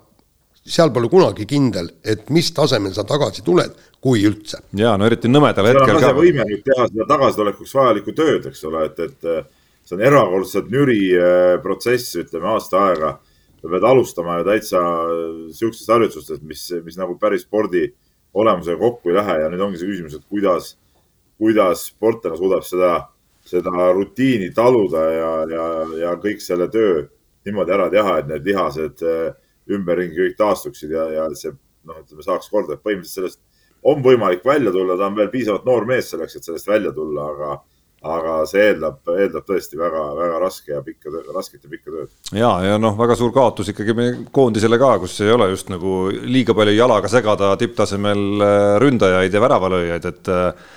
et nagu väga tobedal hetkel ka veel just, just oli leidnud endale lahenduse selles tobedas olukorras, mis tal Poolas tekkis ja, ja just nagu jõudnud ja saanud uue võimaluse ja vähemalt algus tundus, et algas ka väga kenasti, et ega muud, kui jääb soovida Rauno Sappinenile kõvasti seda vaimujõudu, et, et sellest kõigest välja tulla ja vahetada teemat ja minna rallimaailma. ega ei ole vist muud öelda, kui väga jõuline sõnavõtt Esa-Pekka Lappilt, kes, kes siis vist Soome meediaga rääkides asus kiitma Kalle Rovanpera ja asus kiitma teda siis sellisel moel, kus ütles, et äh, näed, et Kalle ei ole muutnud tropiks nagu Sebastian Ogier või Ott Tänak. Äh, ta ei nõua mingeid asju karjudes või haukudes, nagu nemad teevad ja see sõna tropp antud juhul veel nagu tõlkest rääkides on veel kõige pehmem versioon, kuidas seda originaalsõnastust on võimalik tõlkida eesti keelde. tead, no ma mõtlesin selle asja peale, aga mida, mida on Kalle Rovanperal haukuda üldse? Tal on ju suurepärane masin tiim teeb äh, kõik talle ära, tal on selle tiimiga on kõik, kõik sujub. et äh, ta on ju selles nii-öelda Toyota tiimis olnud ju. et me pole näinud veel Rovanpera siis äh, Just. olukorras, kus ta peab haukuma hakkama. no absoluutselt ja, ja kui ühel hetkel hakkavad ka probleemid tekkima, siis, siis võib seda haukumist olla, teine asi, et, et ma võin ka pealtnäha niisugune leebe olla, aga ma võin olla ka väga sitt inimene. Kui tõesti, kui sa mingisugused kokkulepped, mingisugused asjad ei, ei toimi ja ja ma olen sulle ka teinekord paar korda põrutanud ja Peebule ja, ja. ja sa viskasid, sa viskasid mind kohvitassiga. no ma olen sind kohvitassiga isegi visanud ja kõik nii, et, et, et see. Valdo Jahilo jope rikkusid ära, vaba, anna andeks, Valdo. no valge jope oli kusjuures,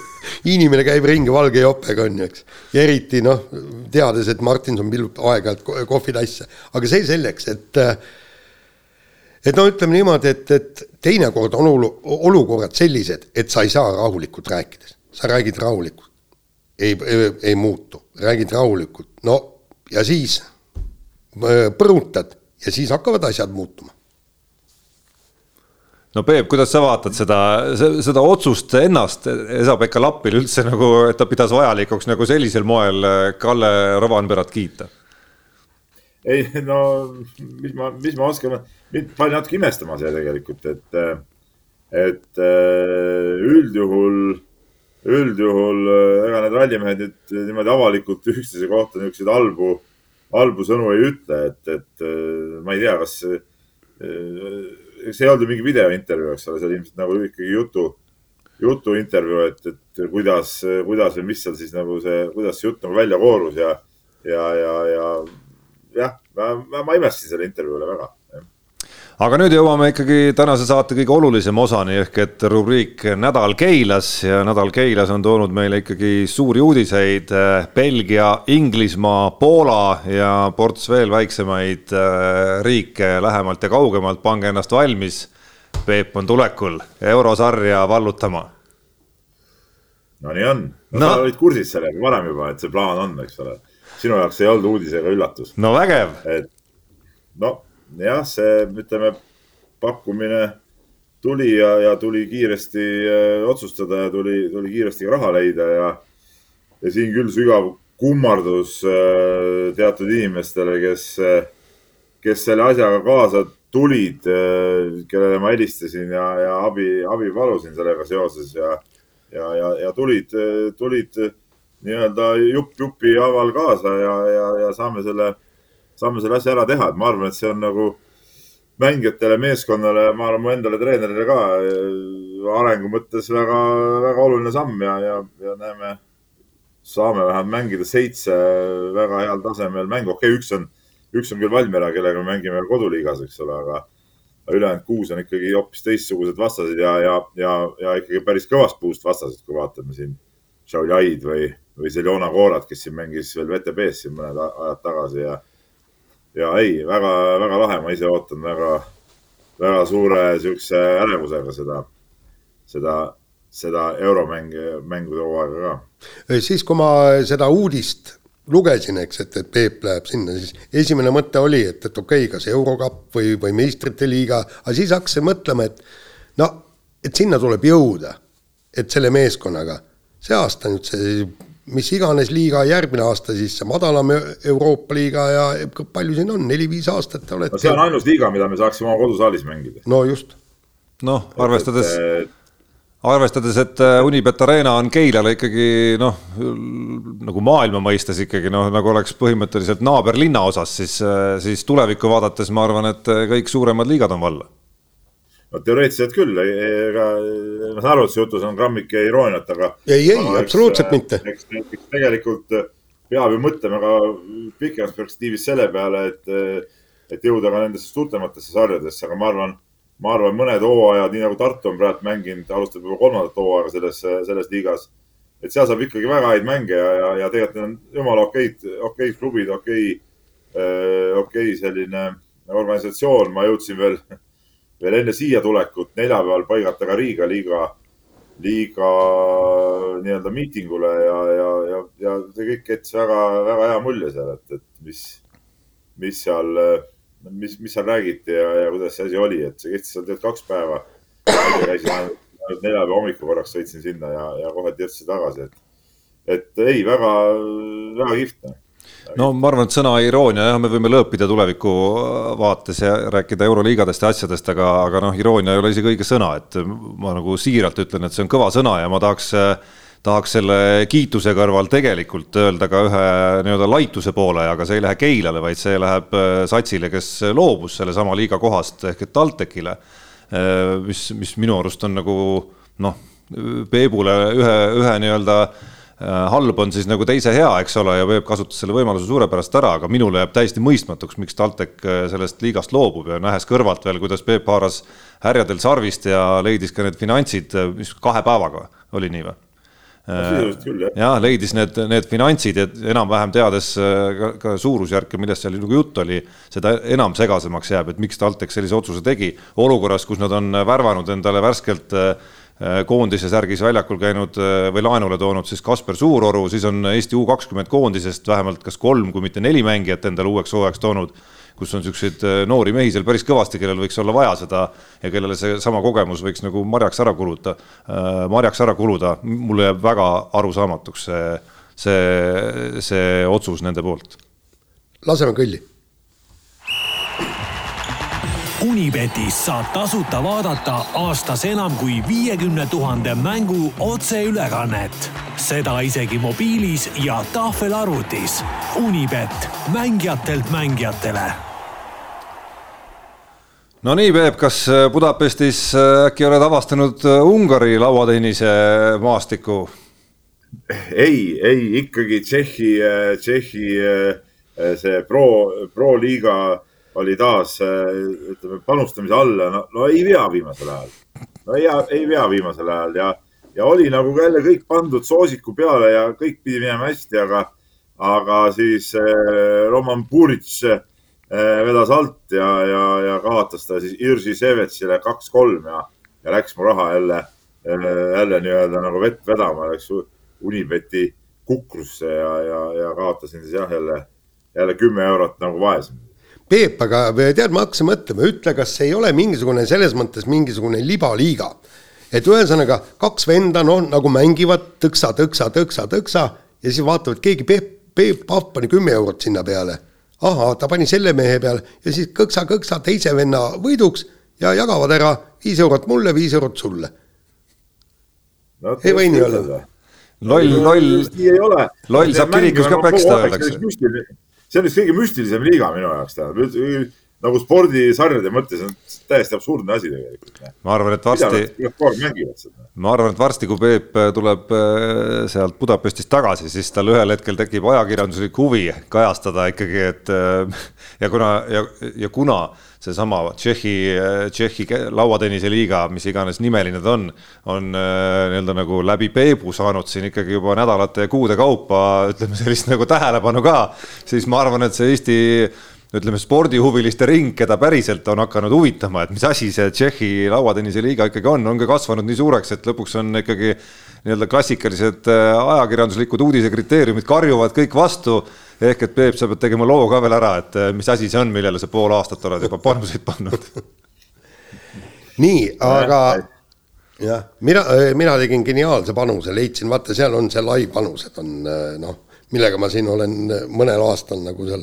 kenasti kühveldanud, et kui Eesti läks Iisraeli vastu üheteistkümne punktiga juhtima, siis vaatasin, voilaa, eks Iisraeli võit on kaks koma kuus on ju, eks. no sinna on ju hea, hea pappe peale panna, on ju, eks.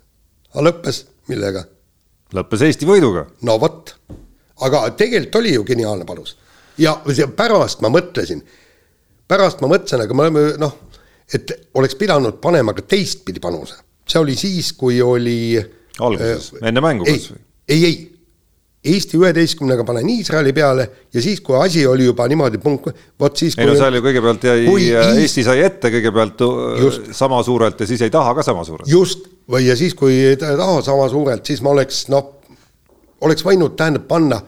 kas või ühe euro, millega ma oleks siis selle tasandanud, tasandanud, jah. jaa, nii et me oleme kõik kaotuse lainel, ka mulle tõi kaotust seesama mäng, millest rääkis Jaan. nii et oleme siin kõik nagu nii-öelda õpetlikud näited äh, sellest, kuidas vastutustundlikult see asi tegelikult käima peaks. uue nädala eripanus äh, Mehed ei nuta egiidi all saab olema Unibetis äh, Äh, tänase Eesti-Slovakkia naiste võrkpallimängu kohta. ja siis äh, täpsemalt näeb välja selline, et äh, koefitsiendiga kolm koma üks on võimalik panustada sellele, et äh, Eesti vähemalt kaks geimi selles mängus võidab, ehk et see koefitsient viitab ise juba sellele, et, et Slovakkia on selles mängus kihlveokontorite hinnangul ikkagi väga selge ja, ja suur soosik. aga nüüd siis kirjade juurde on käes aastas üks nendest haruldastest ja vägevatest võimalustest, kus on võimalik Peebu asemel siis ise nende kirjadega tegeleda ja menetleda ja ja vaadata üle postkastis ikkagi ka kõik meile saabunu nagu selle pilguga, mida Peep on mingil põhjusel välja jätnud siin ettelugemisest loobunud, kõik kriitika, mis tema enda pihta, see ju, see ju kunagi eetrisse ikkagi ei jõua. alustame võib-olla mitte kriitikast, vaid äh, vaid ikkagi meie legendaarsest äh, teadlane Priidikust. milliseid põhimõttelisi suuremaid muutusi ennustavad saatejuhid Eesti spordile järgmise kümne-viieteistkümne aasta jooksul? kas on üldse alust arvata, et midagi muutub või jätkab tiksumine ja fookuse liikumine ühelt spordialalt teisele vastavalt sellele, nagu neid väheseid talente meil tekib? no ilmselt arvan, et just täpselt ühelt alalt teisele kogu see fookus liigub ja tegelikult noh, ma näen seda, et, et väga paljud nii-öelda jõulised ja suured olümpiaalad, noh, maailma mõistes ei ole suured, meie mõistes on suured, kaovad vaikselt ära ja, ja kas, kas see tegelikult kunagine hegemoonia üldse taastub või mitte, üks näide on judo, eks. Et äh, praegu on siis äh, Christopher Kaljulaid oli vist ainukene, kes pürib olümpiale, teised judokad riburada pidi mm, loobuvad, aga vaatame, mis meil kunagi oli ju, eks, et Bertelson Budõlin, teine Budõlin, Rotberg tõi medali, eks, no ütleme, Padar, et, et meil oli kogu aeg oli kedagi, kes võisid midagi teha, võta suusatamine, eks, kui lai see omal ajal oli. ja, ja siin, siin on veel mõningad, aga tõusevad nüüd üksikute talentide najal, näiteks ujumine. ja, ja, ja nii ta on tegelikult, see mäng käib. ja, ja ma arvan, et see puudutab ka rahva huvi, et, et ega see rahva huvi on käinud ka ju lainetena vastavalt sellele alale, kus me kedagi on olnud ja see juba väga ammust ajast, et et alati on hea näide ju Erika Salumäe ja, ja naiste treki sõit, kus me teadsime kõiki neid eh, omaaegseid konkurente ja, ja, ja igat võistlust ja asja, noh. Pole sportlast enam äh, sportimas ja, ja ei ole ala vastu huvi ka ja täpselt sama, sama oli näiteks äh, selle sumoga, eks ole, noh, keegi ju nüüd, kui Baruto enam ei, ei võistle, noh, kedagi ei huvita enam see sumo, eks ole. ja, ja ei tea me enam, mis on nendest kõikidest Yokozunodest ja, ja asjadest seal, seal saanud. Äh, noh, samamoodi tundub, et läheb näiteks ka Kelly Sildaru ja, ja selle äh, freestyle suusatamisega, et, et tuli hirmsasti pilti, rahva vaimustus oli suur, noh nüüd hakkab vaikselt nagu Kelly fenomen äh, langema, noh, siin vigastused, asjad pole võistelnud ja noh, ega mingit huvi nende võistluste vastu ka enam ei ole ja, ja, ja, ja, ja eks see, kuidas on ka rahva huvi, see peegeldub ka sellele, kuidas sport äh, tervikuna liigub, noh, et, et, et ega, ega siin mingit suurt muutust ei ole, et eks ta hakkabki nii olema, et, et kui meil on mingil alal kõvad tegijad, siis seda jälgitakse, sinna ka äh, selle sportlase peale panustatakse, ütleme ka riiklike sponsorite poolt ja, ja kui ta sealt kaob ära ega siis see ala, ala kukub ka kohe, kohe meie silmis nagu kokku. no mis on võib-olla nagu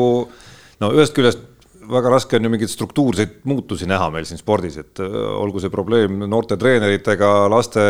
sportimisharrastuste, mis iganes nende teemadega, millest kõik nagu alguse saab, siis äh, no kuskilt ei paista praegu, et oleks mingisugust tohutut revolutsiooni tulemas, mis äh, kuidagi süsteemselt hakkab meid kuidagi nagu nagu teisel kujul või hoogsamalt tõstma, tõstma, et noh, mida on huvitav selles pikas perspektiivis näha, on kindlasti, et kas äh, mingid lained jäävad nagu püsima ka, et noh, kas seesama ma ei tea, noh, äge Kossu põlvkond tõuseb, on tõusnud praegu peale, on ju, et kas sellel on mingisugune nagu kestvam efekt äh, või mitte või kas seesama naiste võrkpall näiteks kus äh, lisaks sellele, et naistekoondis on siin pildis aina rohkem ja, ja üksikud mängijad ka ja justkui taustal on jutt, et, et ka neidusid ja tüdrukuid aina rohkem trenni läheb, et kas see kuidagimoodi muundubki millekski nagu püsivamaks ja, ja me näiteks saame kümne-viieteistkümne aasta pärast rääkida sellest, kuidas see, mida me siin viimase, ma ei tea, viie-kuue aasta jooksul oleme siis tipptasemel näinud,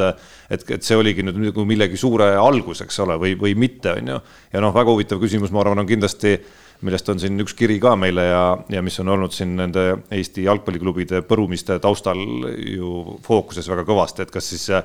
kas siis pärast esimest, ütleme siis kolmekümmet aastat, kus noh, tundub, et ikkagi on nagu noh, üksjagu justkui tehtud, aga väga palju, väga palju kordaminekuid võib-olla ei ole ka ette näidata, et kas, kas Eesti jalgpall suudab siis mingisuguse nagu süsteemse muutuse, kõik need teemad, millest siin räägitakse siin, äh, kuidas meil on palju noorte treenereid küll, aga töö, mida tehakse, ei ole kvaliteetne ja ja kuidas meil, ma ei tea, viieteistaastased Eesti just nagu peaaegu tipud, äh, noormehed teevad kolm korda nädalas trenni, eks ole, et kas jõutakse siis nende akadeemiateni, millest siin mingites ringides räägitakse ja, ja kõikide muude mõteteni, mida siin eelmises saates mainisime, Andres Vaheri lugu, eks, et endised tipud välja käisid, et kas, kas me näeme mingisugust nagu päris muutust ka, mis siis nagu seda pilti nagu teistsuguseks teeb, ükskõik kas selliseks nagu Islandil, nagu sa mainisid siin, või siis äh, noh, või siis mingil muul mudelil, igatahes, et meil viieteistkümne aasta pärast näiteks oleks äh, ma ei tea, kaks mängijat Inglise Premier League'is, üks Hispaania liigas ja nii edasi, nii edasi aga tegelikult noh, et, et siin hästi palju määrab raha ja rahvaarv ja sportlaste arv. ma, ma just lugesin. no Islandi näitel ju ei määra, eks ole, rahvastiku arv nii palju midagi ei, või Fääri saarte. ei, aga saad aru, neil on eh, kindlad spordialad, vaata, kui vähe on Island võitnud olümpiamedaleid nagu nii-öelda traditsiooniliselt olümpiaaladel eks, et ainult käputäie, aga neil on käsipall kõva, jalgpall kõva, korvpall mängivad. jaa, mängivad hästi, aga, aga näiteks ma, ma lihtsalt toon äh, Äh, näited ma äh, silme peale. Äh, Suurbritannias üks aasta enne, enne Pariisi olümpiamänge otsustati teatud aladel, kus on suurem võimalus medaleid võita, budžetti suurendada, lisaraha anda. ja milline see raha oli? sõudekoondis sai neli miljonit naelsterlingi üheks aastaks juurde, mitte see, eks siis. no eks seal, äh, kui meil on siin üks, äh, ütleme neli või kuus sõudjat, kellest me räägime, eks ole, noh no, siis seal me räägime 20... sajast umbes. no, no sadat võib-olla ei ole, nii, teine ja vot see võiks olla nagu see meie Eesti tee, aga, aga seda tuli, seda tegi siis nüüd Austraalia, kuna neil Brisbane'is toimuvad, mis oli kaks tuhat kolmkümmend kaks mängud, siis nad võtsid. Äh, Peep, nüüd talitse ennast seal. noh et ühesõnaga nad korjasid kokku neljade, alates neljateistkümnendast eluaastast kõikvõimalikud talendid, äh, võimalikud talendid, panid meeletu raha sinna taha ja siis tegid nendest talentidest oma grupid, et siis kasvatada neist konkreetselt Brisbane'i olümpiamängude võitjaid nii, aga et Peep rohkem haigutama ei peaks, siis lisame särtsu ikkagi Danieli küsimusega. tervist, mehed, tekkis kahe sõbra ja, ja pikaajalise saate eh, jälgijate osalusel diskussioon saates kasutusel oleva terminoloogia kohta. ilmselt Peep on siin kõige õigem eh, inimene koos Jaaniga nüüd lahendust otsima. kummad on ikkagi kangemad, kui võistlustulle astuvad mahlamütsid ja kaerajaanid, kumb võidaks?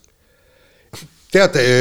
vot ei, siin on no,. siin on veel muidugi, konkurents on tihe, eks ole, siin munaudud ja ei, ei, kes meil siin kõik läbi on käinud. ei saada aru, mahlamütsid on niisugune. oinavillid, jah. Mahlamütsid on edukamad spordialadel, kus ei ole on, kontakti. eks, et noh, nii, nii-öelda võrkpall, eks. aga kaerajaanid on, jah, ja kaerajaanid on korvpallis kõvemad. nii on jah aga üldiselt on nad kõik ühed mökuruudid, midagi teha. no siin konkurents läheb aina tihedamaks, ma saan aru ikkagi, mis aladel, mis aladel nemad veel peale jääksid siis? ei, ei ma ütlesin, nad kõik kokku need mökuruudid, et, et seal, seal, eks see on sihuke ikkagi mõttetute vendade kamp tegelikult nii, no aga ühe, ühe väga väärt kirja, ma arvan, peaks veel ette ikkagi lugema, eh, kuigi meil poolteist tundi on kohe täis saamas, sellest, eh, nagu me siin oleme varem selgitanud, ei ole probleemi. Marko, kes on ka meile aegade jooksul palju kirjutanud ja minu arust mitte ainult meie saatesse, vaid ka, vaid ka teistesse spordisaadetesse kiidab äh, Gunnar Lehestet intervjuu eest Aivar Pohlakuga, äh, aga lisab, et selle sisu polnud minu jaoks kuidagi üllatav. üheksakümmend protsenti ajast tuhniti minevikus tehtu ümber leierdamisega, viis protsenti ajast rääkis Gunnar ning viis protsenti vastati päriselt esitatud küsimusele. kuulanud ära kogu intervjuu, jäi kahjuks mulje, et Eesti jalka on nagu Nõukogude Liit, kus ülevalt öeldakse absoluutselt kõik ette, kuidas kujundada strateegia, kuidas majandada, mis on eesmärgid, kuidas turundada, sest liit annab läbi erinevate mehhanismide selle tarbeks raha meeles on poolaku lause, pidasime Kuressaarega koosoleku, et arutada üht või teist arenguga seonduvat teemat ning pidasime koosoleku Pellega, et arutada Flora strateegiat. Peep, palju sa Priit Sarapuga äh, Põhja-Euroopa liigaga liitumist arutasid või küsisid nõu, kuidas oma klubiga seonduvaid asju kajastada äh, ei, ei arutanud ja ei küsinud nõu, et, et noh, siin on see asi, et, et eks Pohlak on ikkagi ju, ju, noh, Flora on ikkagi tema lapsukene ja, ja, ja kui su poeg on, poeg on äh, nii-öelda klubi president, siis äh, noh, ikka pojaga arutad ju võib-olla, et kuidas ta oma asju peaks paremini tegema ja, ja Kuressaare on omakorda ju, ju Flora sihuke äh, väike, väike vend, et, et noh, või võib-olla, võib-olla ütleme siis selle kaudu saab seda vaadata, ma ei usu, et nüüd Pohlak ja Jalgpalliliit käivad näiteks äh, Levadia või, või Nõmme Kaljuga eh, arutamas eh, mingeid strateegilisi küsimusi, et, et eks see natuke veider on muidugi, aga, aga noh, jah ja no Marko, Mark, Mark.... ma arvan, et ma arvan, et need seosed on sellised siin praegu. no Marko jätkab ka, et kangesti jääb mulje, et kuna suur hulk raha tuleb klubidele just nimelt läbi jalgpalliliidu, siis on moel või teisel päris paljud klubid korralikult keti otsa aheldatud. Töö käib kõikidel mõningates aspektides ühtsete ning ette öeldud printsiipide alusel ning seetõttu toodetakse ja ka soodustatakse juba eos Jaani poolt välja toodud hallimassi Äh, ma ei usu, et klubide eesotsas ja kontorites on niivõrd saamatud inimesed, et nad ei suudaks ise midagi mõelda või ära teha, aga läbivaks jooneks vähemalt minu jaoks jäi kõlama see, et päris palju asju käib läbi liidu. selle kõige valguses võib vist kiita Kossu klubisid, kes ei saa EKL-ilt sentigi ja peavad ise oma asjad tehtud saama, alustades eelarvest, lõpetades enda müümise ja turundamisega. jalkas samal ajal aga pidavat keeruline raha olema leida ja areneda, õnneks teistel aladel pole no ilmselt niimoodi on, korvpalli, korvpalli näitel vaatame, kus meie omad mängivad ja, ja mis tehakse, kuidas on jalgpallis need asjalood, et ilmselt nii ongi.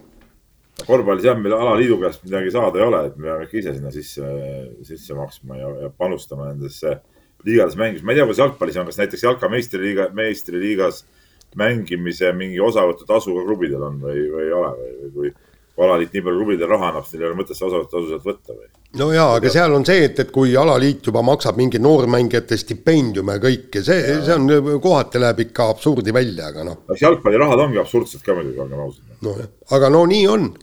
et kolmkümmend aastat on olnud arengut ja me oleme näinud, kuhu siis Eesti jalgpall on jõudnud. nii, aga sellega paneme punkti, saade läbi, kuulake mind järgmine kord. mehed ei nuta saate tõi sinuni Unibet, mängijatelt mängijatele